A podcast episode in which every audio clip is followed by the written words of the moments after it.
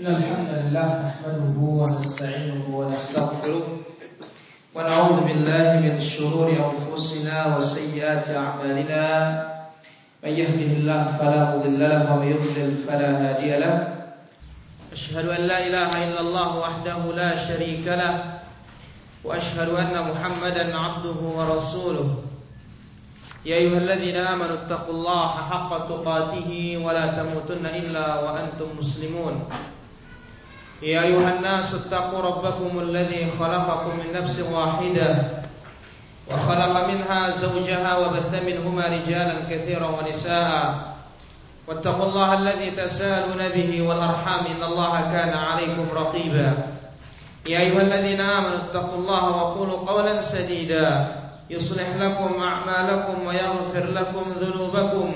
ومن يطع الله ورسوله فقد فاز فوزا عظيما. أما بعد فإن أحسن الكلام كلام الله وخير الهدي هدي محمد صلى الله عليه وسلم وشر الأمور محدثاتها وكل محدثة بدعة وكل بدعة ضلالة وكل ضلالة في النار kaum muslimin dan muslimat rahimani wa rahimakumullah. Alhamdulillah pada sore hari ini kita bisa kembali memulai kajian kita dan masih kita membahas seputar hukum tentang salatul jamaah. Terakhir kita ambil kemarin tentang seputar hukum salatul jamaah serta anjuran untuk ke masjid. Sekarang kita masuk ke masalah berikutnya istihbabu takhfifil imam. Jikalau seorang imam memimpin salat berjamaah, maka hendaklah imam itu memperingan salatnya. Jangan dia perpanjang semaunya. Yang mengakibatkan makmumnya lari.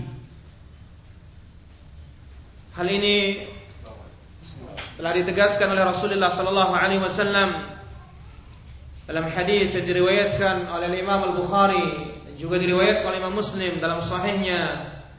Nabi alaihi salatu bersabda "Idza shalla ahadukum linnas falyukhaffif" Apabila seorang di antara kalian membawa orang salat maka peringan Fa inna minhum adh-dha'if was-saqim wal-kabir. Karena di antara makmum ini ada yang lemah ada yang sakit ada yang tua. Wa idza shalla li nafsi falyutawwil ma Tetapi kalau salat membawa diri sendiri maka salatlah semaunya. Jadi kalau kita membawa orang banyak, kita perhatikan makmum. Tetapi kalau kita salat sendirian, boleh semau kita. Oleh karena itu dalam hadis yang lain dari Anas bin Malik, Rasulullah sallallahu alaihi wasallam bersabda, "Inni la adkhulu fi shalah uridu italataha." Aku masuk ke dalam salatku dan aku ingin memanjangkan salat tersebut. Fa asma'u buka as-sabi. Namun tiba-tiba aku mendengar tangisan anak kecil. Fa ukhaffif min shiddati wajdi ummihi bihi. Aku pun memperingan salatku. Karena apa? Aku merasa bahwa sungguh ibu tersebut pasti akan sangat iba dan kangen terhadap anak-anaknya. Nah inilah dia Rasulullah Sallallahu Alaihi Wasallam. Maka benar-benar Nabi Sallallahu Alaihi Wasallam menjadi rahmat. Kama arsalnaka illa rahmatan lil alamin. Dan tidaklah kami mengutus engkau ya Muhammad melainkan rahmat bagi seluruh alam. Maka Nabi Sallallahu Alaihi Wasallam ya memperhatikan kondisi makmumnya bahkan kalau ada anak kecil Nabi Shallallahu Alaihi Wasallam memperingat sholatnya. Baik. Ini masalah yang pertama. Kalau orang membawa memimpin sholat peringan, tentu diperingan tetap sesuai dengan tuntunan Nabi Shallallahu Alaihi Wasallam tidak mengurangi rukunnya dan tidak merusak wajib wajibnya. Masalah yang kedua, dalam setiap sholat tentunya sunnahnya pada rakaat pertama itu agak panjang. Rakaat kedua agak pendek. Jangan rakaat pertama pendek, keduanya panjang. Kita lihat dalam hadis Abu Qatadah beliau mengatakan anna Nabiya sallallahu alaihi wasallam kana yutawwilu fi ula min salatul dhuhr. Nabi alaihi salatu wassalam memperpanjang rakaat pertama untuk salat zuhur.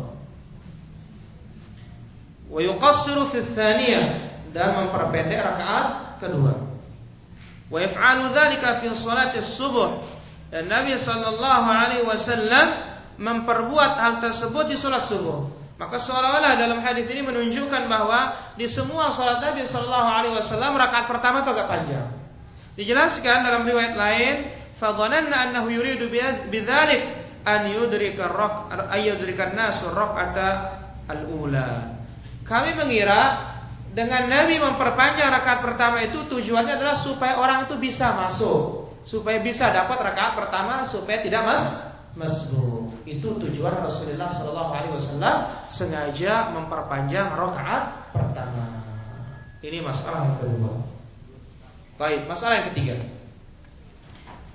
Wajib kita mengikuti imam dan tidak boleh mendahuluinya.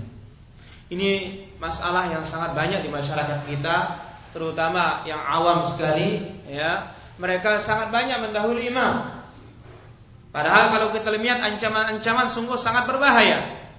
Di antaranya dalam Sahih Al-Bukhari dan Sahih Muslim, Nabi mengatakan, "Tidakkah takut orang-orang yang mendahului imam mengangkat kepalanya sebelum imam Allah akan robah kepalanya menjadi kepala himar atau akan Allah robah bentuknya seperti bentuk himar. Maka oleh karena itu Nabi Shallallahu Alaihi Wasallam katakan Inna ju'ilal imam liyu'tamma bihi. Imam dijadikan imam supaya di, diikuti. Fa'idha raka'a fala takhtalifu alaih. Jangan selisihi dia. Kalau dia ruku, kita mulai ruku. Kalau dia bilang sudah, sudah selesai mengatakan Sami Allah liman hamidah, baru kita mengatakan Rabbana walakal hamdu. Kalau dia sudah sujud, kita mengikuti sujud. Kalau dia sudah duduk, maka kita duduk. Oleh karena itu disebutkan guru Al-Imam Ibnu Hajar rahimahullah taala dia mendengar hadis ini atau disebutkan dalam Akhtal Musallin bahwa guru Ibnu Hajar ini dalam mengambil hadis seorang guru ini tidak pernah nampak wajahnya. Selalu dari belakang tirai. Maka lama kelamaan Ibnu Hajar penasaran. Begitu dibuka tirai ternyata gurunya sudah berubah bentuk wajahnya seperti keledai, seperti kuda. Maka ditanya, Ya, sebelum bertanya, sang guru memberitakan, "Wahai muridku, sungguh aku mendengar hadis Nabi Shallallahu alaihi wasallam, tidakkah takut dan khawatir orang yang mendahului imam mengangkat, mengangkat kepala sebelum imam, Allah akan robah bentuknya dengan bentuk himar atau akan robah kepalanya dengan kepala himar?" Aku menganggap hadis tersebut sesuatu yang jauh. Sesuatu yang mus mustahil. Maka begitu dicoba ternyata benar kena dia. Dan ini bahayanya kalau orang sudah tahu melanggar. Berbeda dengan orang yang tidak tidak tahu. Maka lihat Allah sebutkan dalam Al-Qur'an, "Wa ma kunna mu'adzibin hatta nab'atha rasula." Kami tidak menyiksa suatu kaum sehingga kami mengutus utusan. Sehingga kalau sudah utusan datang, lantas kita menentang, cepat siksanya datang. Tapi kalau utusan belum datang, masih terkadang diundur. Nah, inilah dia akhwan fiddin jadi apabila kita sholat bersama imam, jangan mendahului. Yang benar itu mutabah mengikuti. Oleh karena itu dalam suatu hadis Anas bin Malik radhiyallahu anhu mengatakan, "Shalla bina Rasulullah sallallahu alaihi wasallam dzata yaum." Pada suatu hari Nabi membawa kita salat. Falamma qada salata Begitu Nabi selesai salat, aqbala alaina biwajhih. Nabi memandang ke kami. Faqal Nabi bersabda ayuhan nas, wahai sekalian manusia, inni imamukum, saya imam kalian. Fala tasbiquni birruku. Jangan dahului aku ruku. Wala bis sujud, jangan dahului aku sujud. Wala bil insirab dan jangan dahului aku bubar. Sehingga sebagian para ulama menjelaskan dengan dengan berdasarkan hadis ini bahwa ya Begitu imam Assalamualaikum warahmatullah Assalamualaikum warahmatullah Jangan serta-merta kita langsung lompat di belakang. Ada batasan. Mana dia? Astaghfirullah, astaghfirullah, astaghfirullah. Allahumma antas salam Wa minkas salam Tabarak tadal jalali wal ikram. Baru boleh bergeser. Nah selama imam belum bergeser Kita jangan bergeser Inilah konsekuensi dari tuntutan dari jangan dahului Nabi dalam bubar, artinya imam dalam bubar. Maka batasannya tabarokta dal jalali wal ikram. Baru kita boleh berge bergeser. Karena Nabi di sana Nabi bergeser. Di Nabi bergeser di sana. Nah, karena itu dijelaskan oleh Syekh Masyhur bin Hasan Al Salman, hafizahullah taala. Saya bertanya kata beliau, kurang lebih ucapan beliau, kepada orang-orang yang mendahului imam atau membalap imam. Begitu dibalap imamnya, didahulu imamnya ruku sujud. Bisakah dia membalap imamnya untuk salam duluan? Ya, nggak bisa. Maka apa faedahnya yuk mendahului imam? Tidak ada faedahnya mendahului imam. Justru kita mendapatkan ancaman dari Allah Subhanahu wa taala. Oleh karena itu, kita lihat contoh nyata para sahabat benar-benar mutaba'ah, ikut. Dari hadis Al-Bara' bin Azib radhiyallahu anhu beliau mengatakan dalam Sahih Bukhari dan Sahih Muslim kunna nusalli khalfan nabiyyi sallallahu alaihi wasallam.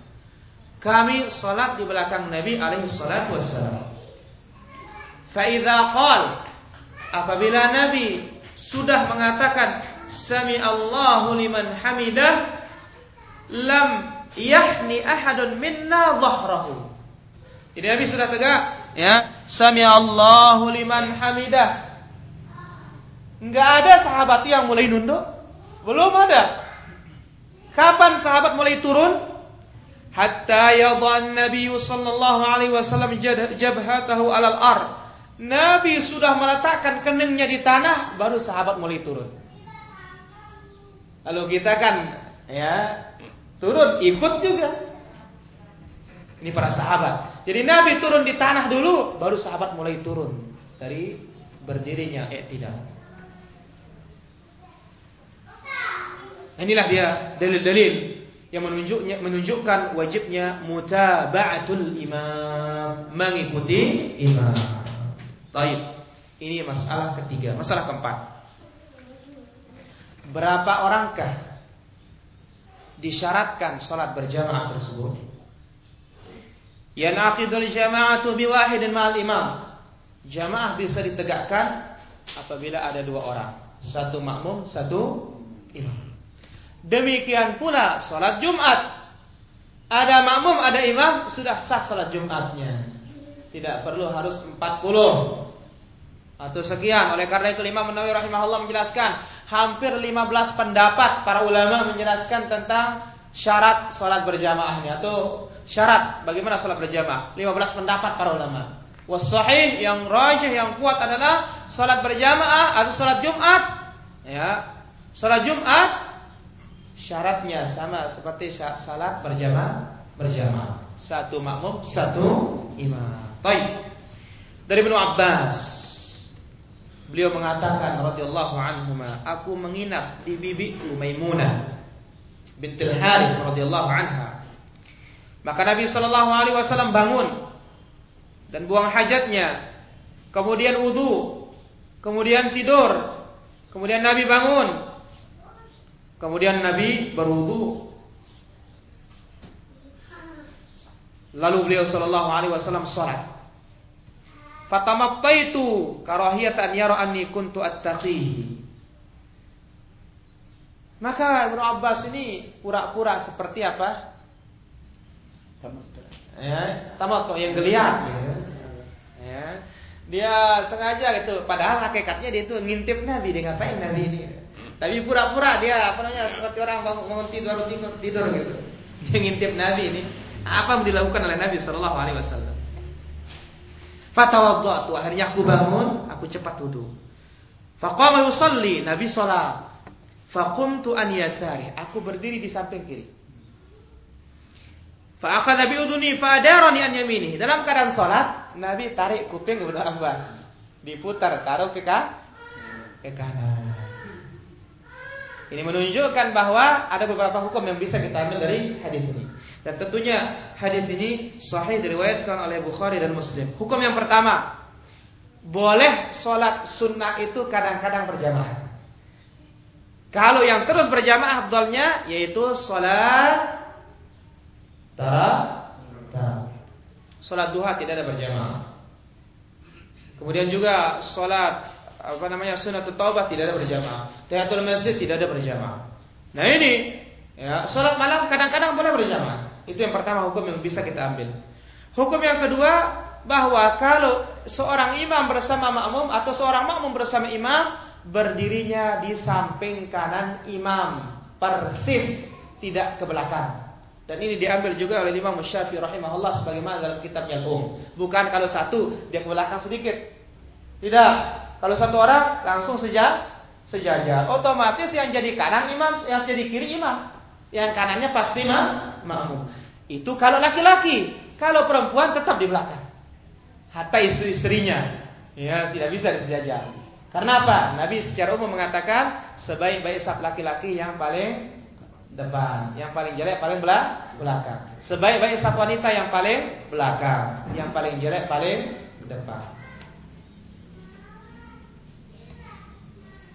Ini hukum yang kedua yang bisa kita ambil dari hadis ini bahwa kalau kita sholat berdua satu makmum satu imam berdirinya di samping kanan imam persis tidak mundur tidak maju. Hukum yang bisa kita ambil yang ketiga bahwa orang kalau salah dalam sapnya dalam sholat boleh diperbaiki.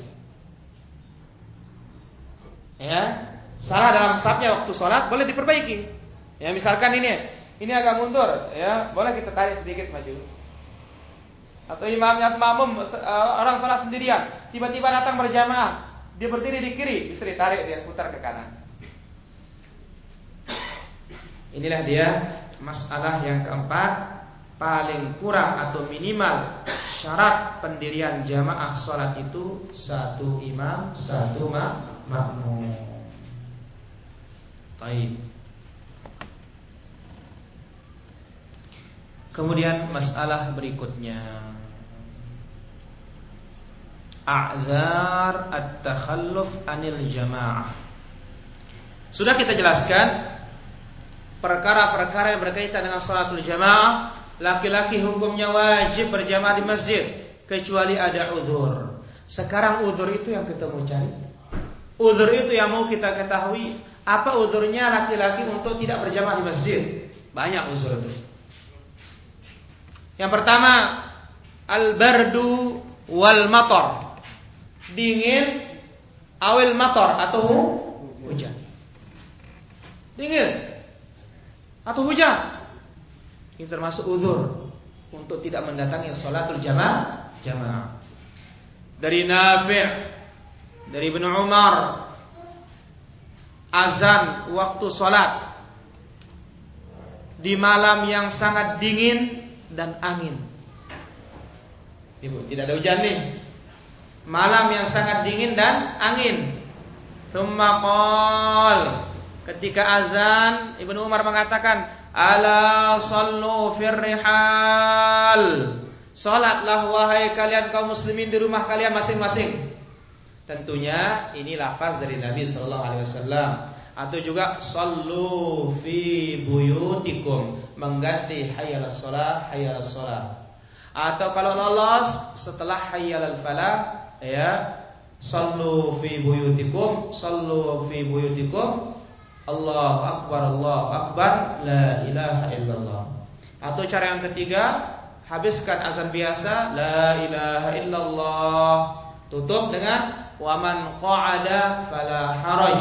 Waman qa'ada fala haraj. Siapa yang diam di rumahnya tidak apa-apa. Siapa yang diam di rumahnya tidak apa-apa. Ini unsur pertama. Orang laki-laki tidak datang ke masjid untuk berjamaah, dingin atau hujan. Hadis ini sahih diriwayatkan oleh Imam Bukhari dan Imam Muslim. Dari Abdullah bin Al-Harith anak paman Muhammad bin Sirin mengatakan Ibnu Abbas berkata kepada tukang azannya waktu musim hujan. Imam Syafi'i rahimahullah mengatakan boleh menjamak sholat hujan itu banyak maupun sedikit. Ya, hujannya banyak maupun hujannya sedikit. Tetapi menjamak ini di masjid, bukan di rumah. Kalau di rumah tidak ada jamak. Bahkan kalau menjamak di rumah ini perbuatan bid'ah nanti bagi laki-laki. Baik. Ibnu Abbas berkata kepada tukang azan waktu hujan, "Idza qulta asyhadu anna Muhammad Rasulullah fala taqul hayyal shalah, qul sallu fi buyutikum." Wahai tukang azan, kalau sudah selesai engkau mengucapkan asyhadu anna Muhammad Rasulullah, jangan katakan hayyal shalah, tetapi ganti dia dengan sallu fi buyutikum. Nah, orang-orang ribut. Ini apa lagi azan ini katanya? ribut orang-orang. Qal, maka Ibnu Abbas menjawab, fa'alahu man huwa khairum minni. Azan ini telah diperbuat oleh orang yang lebih baik daripada aku, yaitu Rasulullah sallallahu alaihi wasallam.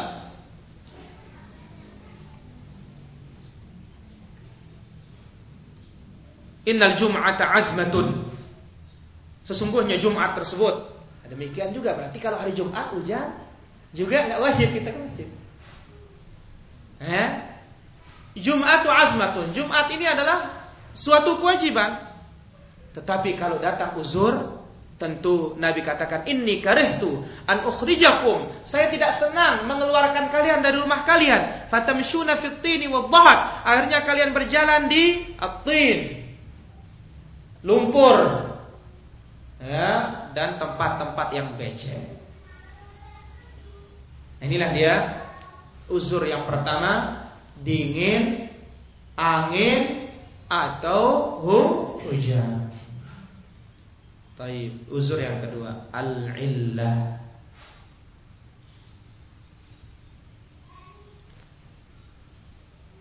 Ada sebab. Ya, ada penyakit. Sebagaimana Itban bin Malik Itban bin Malik membawa kaumnya sholat. Itban bin Malik ini buta. Dia berkata kepada Nabi Shallallahu Alaihi Wasallam, ya Rasulullah, terkadang gelap, banjir, sementara saya ini buta.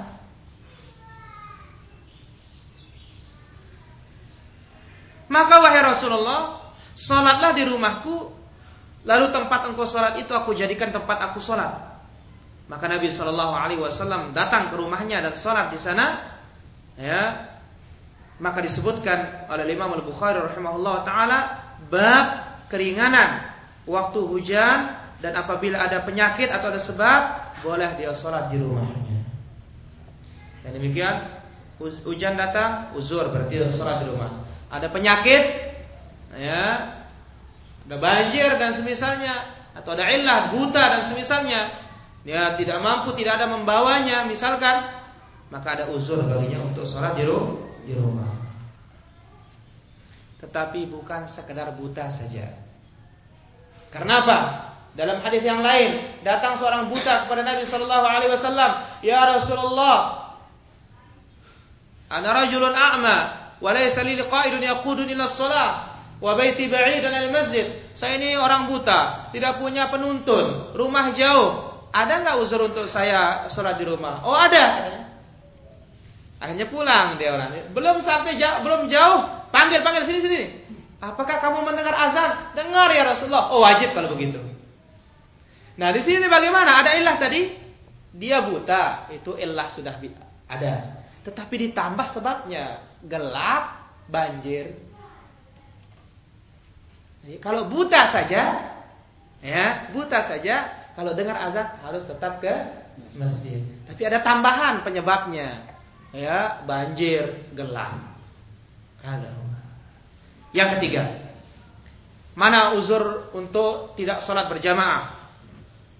Hudurut ta'amul ladzi yuridu aklahu fil hal. Makanan telah siap sementara dia sudah pengen sekali makan makanan ini. Makanan sudah siap. Azan atau kamat sementara dia sudah keroncongan perutnya Ya, sudah kerok, sudah perutnya pengen sekali sudah Ya sudah, makan duluan. Sekiranya lolos jamaahnya tidak menjadi masalah. Berdasarkan sabda Rasulullah sallallahu alaihi wasallam riwayat oleh Imam Al-Bukhari dan Imam Muslim dalam sahihnya, "Idza al asya" apabila makan malam telah disiapkan, wa uqimatus shalah dan dan salat sudah di, kamat sudah dikomandangkan, fabda'u bil asya, mulailah makan isya dulu. Mulailah makan malam dulu. Ini perlu diingat para jamaah. Dari suatu sisi hadis ini mengajarkan kita kesehatan. Itulah dilengkapnya syariat kita. Ya, akhirat dapat, dunia pun dapat. Bagaimana? Makan malam itu baiknya sebelum isya. Ya, sahabat nggak ada makan malam-malam itu. Rata-rata setelah maghrib, sebelum isya. Maka lihat banyak hadis mengatakan, "Idza quddimal asya, atau idza wudiyal asya wa uqimatis shalah." Salat apa yuk kalau bukan salat isya? Ini pelajaran penting bagi kita dari sisi kesehatan. Sehingga ya, apa yang terjadi? Banyak kita kena kencing manis dan semisalnya. Kenapa? Sudah makan, ngantuk, tidur. Tidak ada pergerakan. Tetapi kalau makan sebelum sholat, nasyid, semangat. Kita sholat, eh, sudah empat rakaat, belum sholat sunnahnya, belum lagi apa istirahat sedikit. Sudah tercerna makanan tersebut. Maka hakikatnya kalau kita hidup cara Rasul Shallallahu Alaihi Wasallam sehat kita. Maka Nabi kan gak ada penyakit ini Nabi. Ya, kayak pusing-pusing bekam, pusing-pusing bekam. Padahal apa? Alat canggih nggak ada zaman dahulu, tapi masya Allah aturan itu dipakai yang datang dari Allah Subhanahu Wa Taala. Maka di sini lihat, idza wudiya asya wa uqimatis shalah fabda'u bil asya. Apabila makan malam sudah disiapkan dan bukan hanya makan malam, makan apa pun. Dan kita pingin, ya, maka mulailah makan malam. Dan dari Anas bin Malik radhiyallahu anhu Rasulullah sallallahu alaihi wasallam bersabda, "Idza quddimal asya'u fabda'u bihi qabla an tusallu salat al-maghrib." Subhanallah.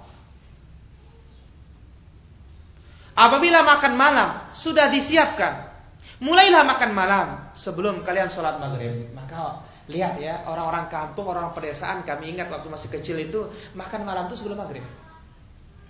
Nah, tidak ada ceritanya mereka tuh kecil manis, wala apa, wala apa. Karena itu apa? Sholat maghrib. Setelah sholat maghrib mereka baca Quran atau ngaji. Lagi sholat isya. Begitu sholat isya tidur. Langsung sepi. Jam 4 sudah bangun dulu. Ya, maka orang kampung, apalagi yang belum masuk listrik, masih bisa menikmati hal yang seperti ini. Wala ta'ajjalu an asyaikum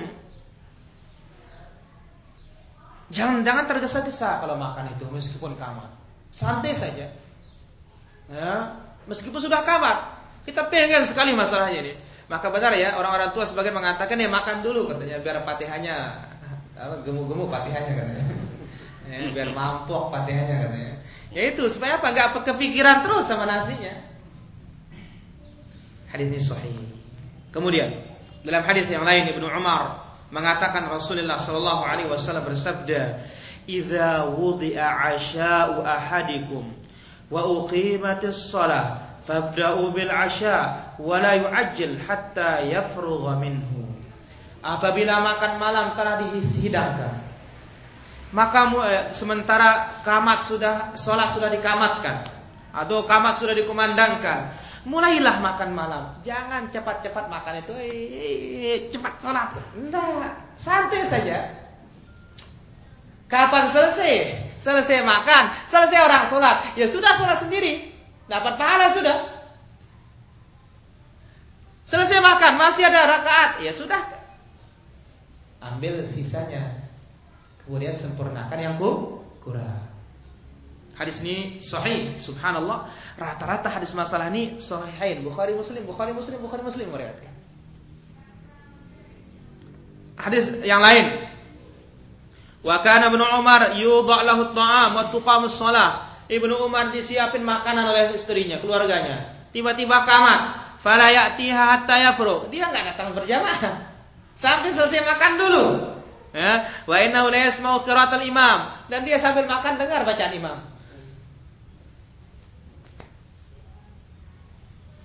Wa Ibnu Umar qala qala Nabi sallallahu alaihi wasallam dan dari Ibnu Umar Nabi bersabda idza kana ahadukum 'ala ta'am. Apabila seorang di antara kalian sedang menghidang sedang menghadapi makanan fala yu'ajjil hatta yaqdiya hajatahu minhu wa in uqimatis shalah. Jangan dia tergesa-gesa makan.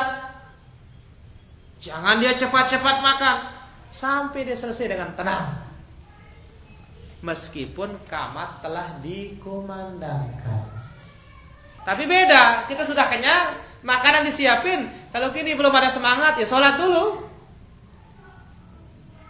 Ya, sholat dulu. Tapi ini makanan sudah siap, perut juga sudah menagih, ya makan dulu. Oleh karena itu bahkan dijelaskan dalam hadis yang lain, Nabi Shallallahu Alaihi Wasallam mengatakan, ya, atau Abu Darda mengatakan, min fiqhil mar di antara bentuk kefahaman seseorang dalam agama ini iqbaluhu ala hajatih hatta yuqbila ala salatihi wa qalbuhu farid. Dia hadapi dulu kebutuhannya, lalu dia sholat dan hatinya sudah plong. Tinggal mikir sholatnya saja, tidak mikir yang lain-lain. Inilah dia uzur yang ketiga untuk mendatang, tidak mendatangi jamaah. Makanan sudah siap dan kita sudah ingin makan. Uzur yang keempat, mudafa'atul akhbathain sedang menahan dua yang kotor, kencing dan kotoran. Buang air kecil dan buang air besar. Nabi bersabda dari Aisyah radhiyallahu anha la salata bi hadratit ta'am. Tidak ada salat makanan apabila makanan sudah siap. Wala huwa yudafi'ul akhbathan dan tidak ada salat apabila dia itu menahan dua yang kotor, kencing dan buang air besar. Berarti kalau kentut masih ada jalan. Tapi kalau buang air besar dan kencing, jangan. Bahkan Nabi Shallallahu Alaihi Wasallam katakan dalam Sahih Jami' Idza uqimatis shalah wa arada ahadukum ay yadhhaba ila al-khala' falyabda bil khala'. Apabila kamat sudah dikumandangkan, sementara kita ingin ke kamar kecil, mulai dulu kamar kecil baru kita sholat. Pertanyaan. Bagaimana? Ini kan di awal maunya sebelum sholat maunya buang air. Bagaimana? Kalau di tengah-tengah maunya? Sedang sholat tiba-tiba datang pengen buang air. Kalau mampu ditahan dan tidak lama tidak mengapa. Tapi kalau tidak mampu ditahan jangan artinya tidak lama mau salam sudah. Tidak apa-apa. Tetapi kalau masih lama kemudian dia sangat pengen kebelat sekali ya sudah. Dia langsung ke belakang Inilah dia empat hal yang menjadikan kita uzur untuk mendatangi sholatul jamaah. Masalah yang kelima. Man huwal ahaqqu bil imam? Siapakah yang paling berhak menjadi imam? Nabi sallallahu alaihi wasallam bersabda dalam hadis Abu Mas'ud Al-Ansari, "Ya ya ummul qaum aqra'uhum li kitabillah." Yang paling eh, yang menjadi imam atau yang mengimami suatu kaum yang paling banyak hafalannya. Paling banyak hafalannya Quran. Tentunya dia paham juga tata cara sholat. Jangan hafalan banyak tapi nggak tahu tata cara sholat. Sudah sahwi aja nggak benar mungkin. Mesti itu. Ya, yang menjadi yang memimpin orang sholat yang paling banyak hafalan Qur'annya fa in kanu fil qiraati sawa. Kalau bacaan sama atau hafalan sama fa'alamuhum bis sunnah. Maka yang paling alim tentang sunnah. Wa in kan fa in kanu fis sunnati sawa. Kalau alimnya tentang sunnah sama fa aqdamuhum hijratan yang paling dahulu hijrah. Wa in kanu fil hijrati sawa. Kalau hijrahnya sama-sama fa aqdamuhum silman yang paling dahulu masuk Islam dalam sebuah riwayat yang paling tua umur umurnya. Jadi nomor terakhir tua itu. Kalau kita enggak nomor pertama tua. Hafalannya nanti terakhir. Maka ini terbalik semua tata cara Nabi Shallallahu Alaihi Wasallam yang kita lakukan. Malah kalau kecil loh anak-anak kecil mimpin kita ini katanya. Padahal apa? Hafalannya luar biasa. Tapi yang tua ini ya sudah hurufnya tidak benar, gigi sudah kurang. Hmm. Kemudian apa? Ayatnya ayat andalan terus. Paling tinggi wadduha. Ada. Kemudian ingat juga nih. Wala umman rajula rajula fi sultanih. Tidak boleh seseorang mengimami suatu kaum atau mengimami seseorang ya yang mana yang menjadi imam ini tempatnya menjadi imam bukan di kekuasaannya. Misalkan gubernur Jawa Timur, misalnya. Datang ke Lombok, tidak boleh dia jadi imam serta merta di Lombok, harus gubernur Lombok. Atau suatu masjid ya, punya imam tetap, datang ada orang lain, ustadz ke, kiai ke, apa ke, tidak boleh serta merta didahulukan dirinya. Silahkan dulu orang tuh orang rumah, tuan rumah, atau tuan rumah mempersilahkan, silahkan, tidak apa-apa kalau begitu. Ya, wala yaqudu fi baitihi ala takrimatihi illa bi'idznih. Kemudian tidak boleh duduk di rumah orang yang mana di tempat duduk tersebut tempat duduknya tuan rumah, nggak boleh itu. Kita duduk di tempat yang lain. Jadi kalau kita lihat ini khusus kursinya jangan duduk di sana. Berarti itu tempatnya tuan tuan rumah. Hadis ini sahih diriwayatkan oleh Imam Muslim. Masalah yang keenam. Siapa saja yang sah menjadi imam? Siapa yang sah solatnya membawa dirinya sendiri, maka sahlah pula solatnya untuk membawa orang orang lain. Dia membawa dirinya bisa sholat, maka otomatis dia bisa membawa orang lain untuk sholat. Masalah yang ketujuh, bagaimana hukumnya anak kecil menjadi imam? Sah imamnya anak kecil yang mumayyiz. Bahkan dia yang didahulukan menjadi imam apabila dia yang paling banyak hafalan Qur'annya. Sebagaimana hadis Amr bin Salamah yang mana dijelaskan dalam hadis Amr bin Salamah dalam Sahih Sunan Abi Dawud, Amr mengatakan, "Wa kuntu ghulaman hafizan." Saya masih kecil tapi hafal Quran. Banyak saya hafal Quran. Maka bapakku pergi ke Rasulullah Sallallahu Alaihi Wasallam bersama kaumnya dan mereka, dan mereka diajar sholat oleh Nabi dan Nabi mengatakan ya ummukum akraukum yang menjadi imam yang paling banyak hafalannya. Wa kuntu akrauhum. Amr mengatakan aku yang paling banyak hafalanku. Lam, lima kuntu ahfad karena banyak aku hafal Quran. dimuni kaumku pun mendahulukan aku. Fakuntu aummuhum aku membawa mereka sholat wa alayya burdah li saghirah safra. Dan saya punya selendang kecil kuning. Fakuntu idza tasajadtu takasyafat anni. Kalau saya pakai kalau sedang sujud kelihatan badan saya. Artinya apa? Masih kecil sekali sahabat ini. Inilah dia akhwan fiddin rahimani wa rahimakumullah. Mungkin beberapa masalah yang bisa kita ambil pada sore hari ini. Kita ulangi dari masalah yang pertama imam dianjurkan untuk memperingat sholat sholatnya.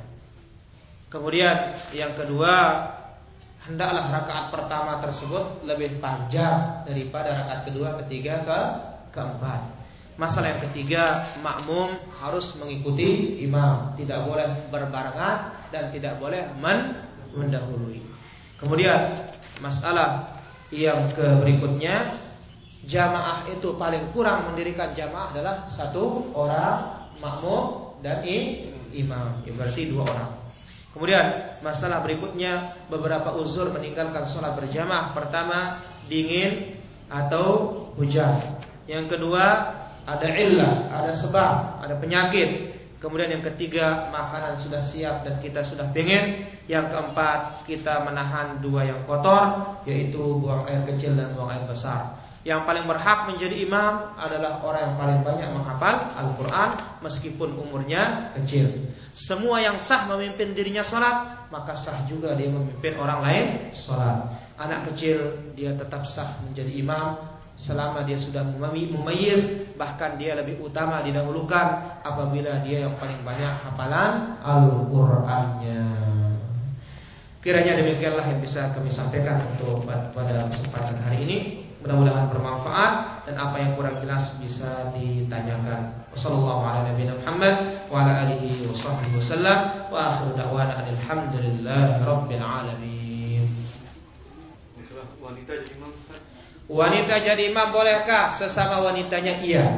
Tapi untuk memimpin orang laki-laki ini sangat jauh dari agama sebagaimana yang terjadi di Amerika. Seorang perempuan menjadi khatib atau bahkan menjadi imam sholat Jum, Jumat. Ini adalah dunia yang terbalik. Ya. Dan agama dirusak. Adapun sesama wanita iya. Bagaimana posisinya kalau sama wanitanya? Maka wanita seorang imam dia berdiri di saf pertama di tengah-tengah saf yang pertama. Dia tidak maju. Apakah ada azan dan iqamatnya? Iya, ada azan dan iqamatnya. Kalau sesama wanitanya. Allah taala Kiranya demikianlah yang bisa kami sampaikan untuk pada kesempatan hari ini. Mudah-mudahan bermanfaat. Wassalamualaikum warahmatullahi wabarakatuh.